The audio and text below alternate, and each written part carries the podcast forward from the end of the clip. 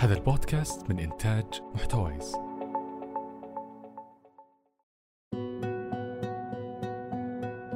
هحكي لكم اليوم قصة. القصة دي غيرت مجرى حياتي. قصتي بدأت وقت ما قررت عائلتي الصغيرة مكونة من زوجي وابني ننقل لبريطانيا في 2008 حتى نكمل دراستنا.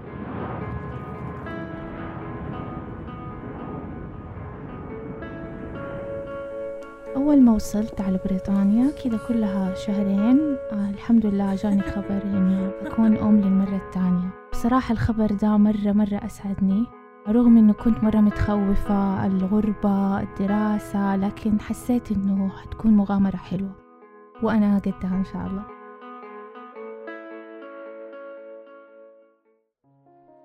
تلقيت الخبر بفرح كملت أول كم شهر بدأت أتابع عند الدكتور التقطت أول صورة طفل احتفظت بيها وقاعدة أنتظر بشغف حتى أعرف جنس المولود. قعدنا كم شهر اضطرينا ننقل لبلدة تانية. أول ما رحت هناك بدأت أتابع عند دكتور تاني. بدأوا يعملوا لي فحوصات وتحاليل. أعطوني موعد للأشعة التفصيلية حتى يعرفوا فيها أجزاء الطفل يتأكدوا أنه طفل سليم. ومنها إن شاء الله أعرف جنس المولود كان هذا تقريبا على الشهر الرابع بداية الشهر الخامس. كنت وقتها في الجامعة. اضطريت أخذ وقت أوف طلعت بشغف مبسوطة مرة أخذت الباص. وأنا متجهة للمستشفى كنت مرة مرة فرحانة. وصلت على موعدي دخلتني الدكتورة. بدأنا طبعا الفحص الطبيعي. خلتني أستلقي على السرير وطبعا قبلها شربت موية مرة كتير. وأنا قاعدة كده بدأت تفحص قامت طلت فيا قالت لي إنه تسألني تستأذني تبغيني أقول لك جنس المولود. قلت لها طبعا أنا مرة منتظرة هذه اللحظة. قالت لي إنك أنتي حتتوقع طفلة بإذن الله. مرة فرحت قلت حيصير في أخت لابني. بدأت الدكتورة تسألني بعض الأسئلة. وسألتني إذا أنا كنت فاطرة شربت موية وكذا فقلت لها أيوه. بدأت تسألني أخذ وضعيات معينة قالت لي في أشياء ما هي واضحة. طلبت مني قالت لي يا ريت نوقف الآن تروحي تشربي شوية موية وتاكلي وترجعي مرة تانية بالفعل أخذت بريك فاصل رحت شربت موية وأكلت ورجعت لها مرة تانية وهي بتفحص. قالت لي أعتذر منك بس أنا ماني شايفة الكلية التانية لبنتك. كأنه باين إنه بنتك عندها كلية واحدة بس. طليت فيها ماني مستوعبة اللي قاعدة تقوله فهمته بس ماني مستوعبته. قلت لها إيش تقصدي؟ قالت لي معلش لا تزعلي هذا اللي باين عندي الآن في الفحص لكن ممكن نعيد الأشعة مرة تانية بس أنا ما أحب أعرض الأم لأشعات كثيرة لكن في حالتك دي حنضطر نعملها مرة تانية وقالت لي لا تزعلي الطفل ممكن يعيش بكلية واحدة حياته كاملة ويكون طفل سليم.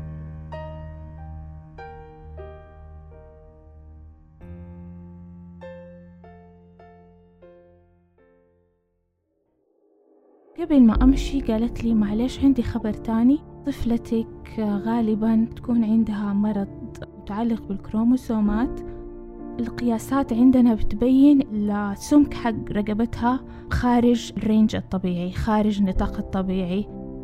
هو احتمال كبير ممكن تكون طفلتك مصابة بمرض Down syndrome متلازمة داون قالت لي أنا آسفة أخباري ما كانت حلوة لكن هذا اللي مبين عندنا في الفحوصات. قعدت أسألها قلت لها هذا طيب الاختلاف مرة عالي. قالت لي هو ما هو في الطبيعي فأي شيء ما هو في النطاق الطبيعي حينحسب احتمال كبير إنه طفلتك تكون مريضة. قلت لي إحنا في الحالة دي لازم نحيلك لأخصائي يتكلم معاك ويفهمك الموضوع. حاليا ممكن تغادري وحنعمل لك موعد تاني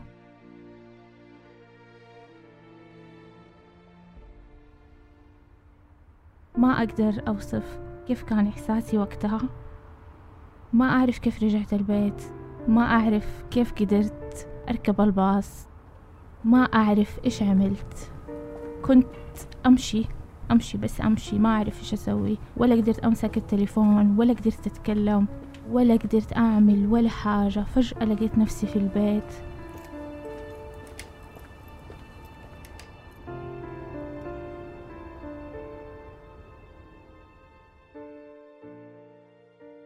كان وقتها زوجي أخذ ابني من المدرسة ورجع بي البيت. ما أعرف كيف بدأت الموضوع. اللي قدرت أعمل إنه بس كنت قاعدة أبكي أتكلم معاه وهو مو فاهم الموضوع مني. ألين هديت اتكلمت فحاول يخرجني من ذا ال mood يضحك يقول لي يمكن رقبتها حتكون سميكة زي رقبتي. لا تفكري في الموضوع سيبي الموضوع على ربنا. شوفي لما تروحي للدكتور التاني و ما أعرف كيف هذا اليوم انتهى.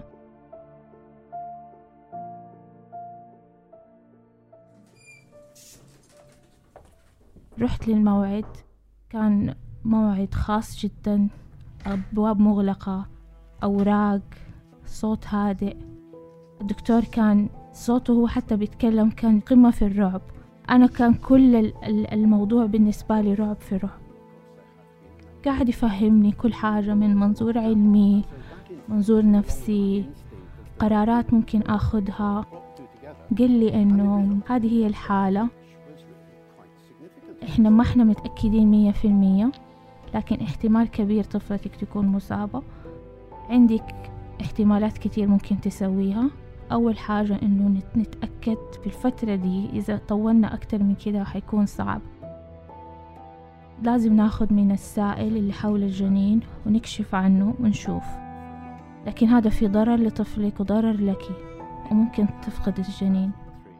أو إنك تقرري آه ما تعرفي تقرري إنه تحتفظي بالجنين إذا كان مريض أو سليم. طبعا أخذت كل قرارات ناقشت أنا وزوجي قررنا في الأخير إنه ما أعرف إيش المشكلة ولا أبغى أعرف أي حاجة.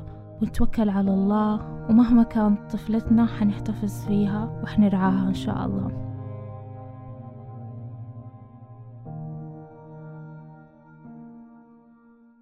طبعا أنا في الحالة دي ما حكيت ولا أحد. كان ما عندي أحد أصلا ولا أبى أحكي أحد. في الفترة دي ما كان حد عارف عن القصة غير زوجي. ما حبيت أقلق أهلي. حاولت أنسى مستحيل ما قدرت ولا قدرت أحكي أي أحد قريب مني القصة دي. خوف كان متلازمني. ما حبيت أقلق أهلي. ما أعرف كنت في قمة في قمة الخوف قمة الرعب. أشوف أي طفل أتخيل طفلتي فيه. حتى مشاعر الإحساس الأمومة كان عندي جدا زايد بس كان يطغى عليه الخوف.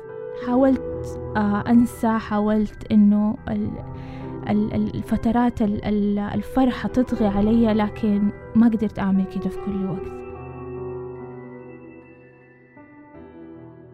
كان كل يوم عندي آه وقت آه ناجي فيه ربنا. أنتظر ابني وزوجي يناموا وأقعد أناجي ربنا. أقول يا رب أنا أنا ما سويت حاجة غلط في حياتي. أنا طول عمري آه إنسانة أحاول أكون كويسة. يا رب أرزقني بطفلة سليمة. كنت طول الوقت في خوف في خوف ورعب.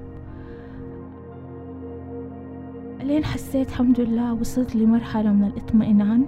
طيب ولو طفلتي مريضة إيش يعني؟ أحبها وحرعاها وحهتم بيها. وهذا قضاء الله وقدره.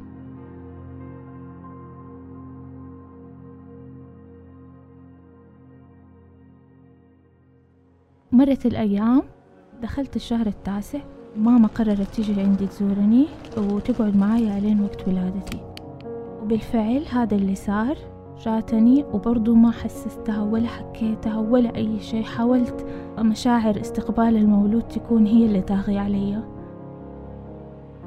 وفي يوم الولادة حقتي قالت لي الدكتورة لازم يكون في أحد معاكي في في الغرفة فترة طبعا ما كان معي غير ماما. ووقتها وأنا قاعدة آه، فجأة جاتني الولادة ما عندي أشيائي حقت المولود اللي مجهزتها. ماما على طول راحت على البيت. زوجي كان وقتها بياخد ابني من المدرسة فضلت لي حالي في الغرفة. أنا أجي ربنا وأعاني من آلام المخاض. وقاعدة ديك الفترة كلها ألين دخلت ماما علي وسمعتني أتكلم. قلت لي أنت إيش قاعدة تقولي؟ قلت لها ماما بس أدعي إنه بنتي تكون كويسة. ماما كانت مرة خايفة إيش في؟ إيش في؟ وصرت أحكيها وأنا في في في مرحلة الخوف هذه. أحكيها وأحكيها. ويا ماما أنت بس أدعي لي ماما صارت تبكي. وقتها الحمد لله ولدت طفلتي وسمعت أول صوت صرخة لها.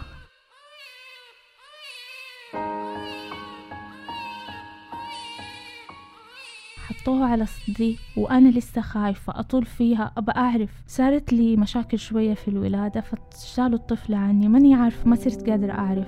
هي كويسة هي ما هي كويسة.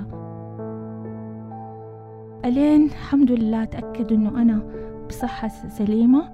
تاني يوم لما فقت سألت الدكتور قلت له طفلتي سليمة؟ صار يعمل لها بعض التمرينات قال لي طفلتك طفلة سليمة صحية. الحمد لله ما فيها ولا شيء. صرت أبكي أبكي من الخوف لسه ماني مصدقة الدكتور. أقول له طب هم قالوا لي كده قال لي طفلتك سليمة. الحمد لله ما فيها ولا شيء.